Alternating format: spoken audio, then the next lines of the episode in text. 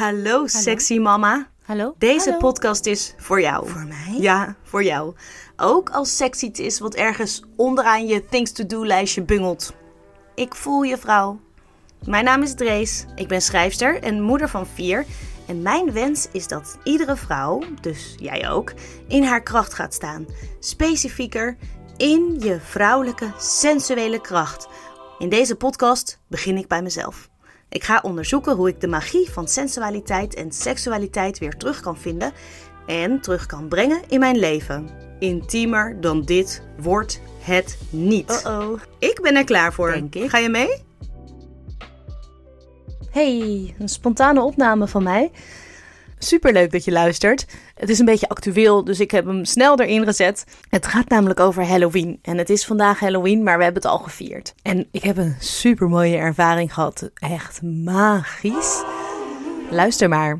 Ja, ik hou van Halloween. Ik vind het echt een superleuk feest. Het is het feest waarbij je echt je lelijke kant mag laten zien. Waar je mag griezelen. De sluiers dun zijn. Dus de andere zijde eigenlijk dichtbij is. En het voelt voor mij dan magisch. Het, het voelt ook een beetje zoals Dia de los Muertos, zoals in Mexico. En eh, ook natuurlijk de feesten Allerzielen en Allerheiligen worden ook gevierd rond deze tijd. Samhain En natuurlijk. ik denk aan de Dark Goddess, aan mijn vriendin Lilith, een stoer wijf. Ik ben een beetje gek op haar. Hier in de wijk waar ik woon maken ze er echt een feestje van.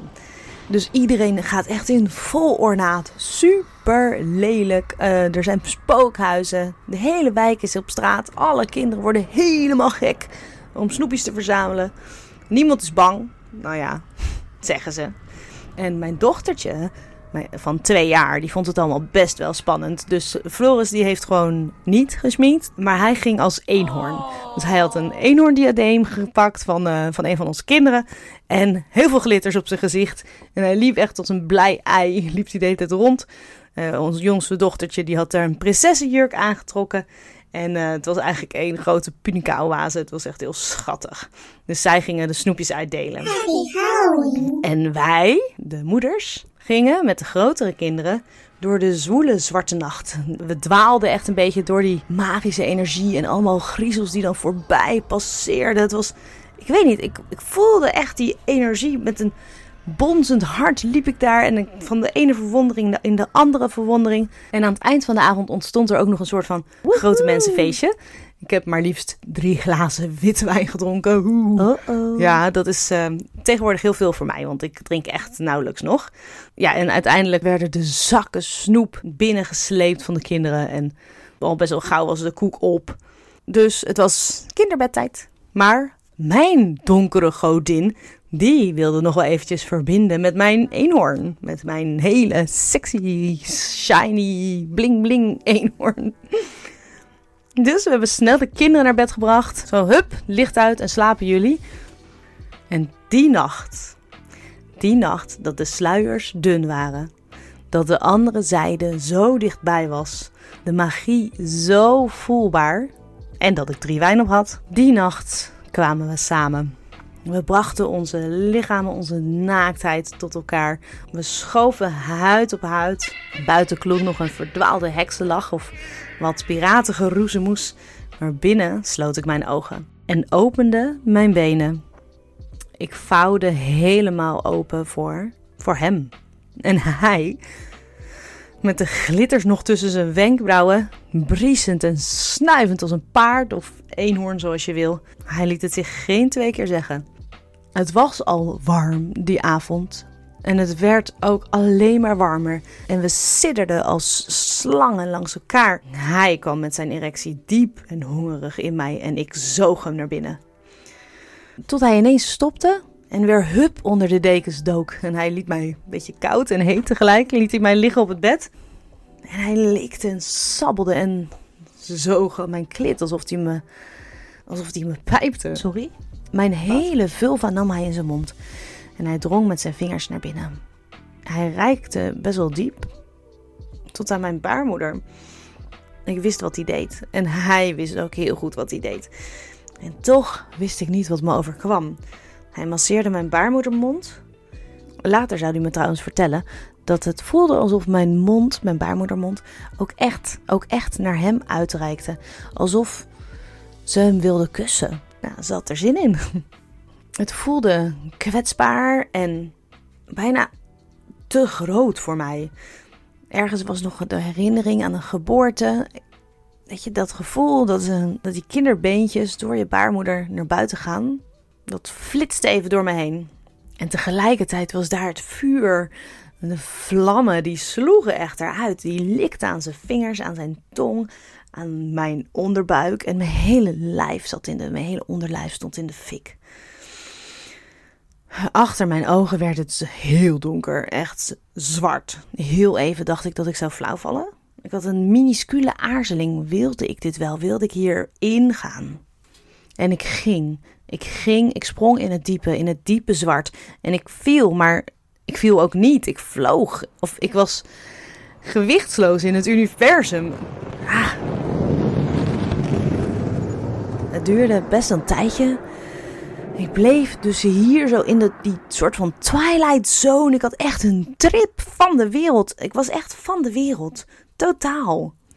Ik wilde Floris waarschuwen, maar ik kon het niet. Ik kon gewoon niet meer niks zeggen, niet meer bewegen. Ja, en zo beminde mijn minnaar, mijn lieve, mooie man, mij op deze magische nacht naar mijn allereerste baarmoederorgasme. Een cervix-orgasme had ik. Wauw. Een informatieblokje over de baarmoedermond, oftewel de cervix. De baarmoeder is het diepste punt in de vagina. Dus als je een diep orgasme wil, dan is dat de plek waar je moet zijn. Het schijnt zelfs zo diep te gaan dat je een soort van trance kunt raken. Niet alles is wetenschappelijk te verklaren, maar het Taoïsme heeft er iets zinvols over te zeggen. Die zegt bijvoorbeeld dat de baarmoedermond eigenlijk het hartpunt is van de vrouw, energetisch gesproken zeg maar, in het innerlijk landschap. En de baarmoedermond is ook verbonden met drie zenuwbanen die naar de hersenen lopen. Eén daarvan is de nervus vagus. En daar heb je wel eens misschien van gehoord, want dat is zo ongeveer de belangrijkste zenuw in je lichaam. Wordt ook wel de tiende hersenzenuw genoemd. Die gaat langs je hele rug ja, helemaal naar beneden, naar je baarmoedermond, maar ook vice versa dus. Al met al zeggen ze, een cervix-orgasme kan echt eh, werken als een transformatie. Een cervix-orgasme kun je alleen maar hebben als je helemaal ontspannen bent. En dat betekent dat je dus vol in de overgave moet gaan, dat je je helemaal veilig moet, uh, moet voelen. En, en, maar dan kan je ook echt een spirituele ervaring hebben of een psychedelische trip ervaren. Het is echt klaarkomen next level dus. Oké, dus wat ik voelde was dan wel super speciaal. Maar het was ook heel natuurlijk. Hij mocht niet stoppen. Hij moest me blijven. Hij moest in mij blijven. Dat mocht met zijn handen, maar dat mocht ook met zijn pik. Dus dat deed hij.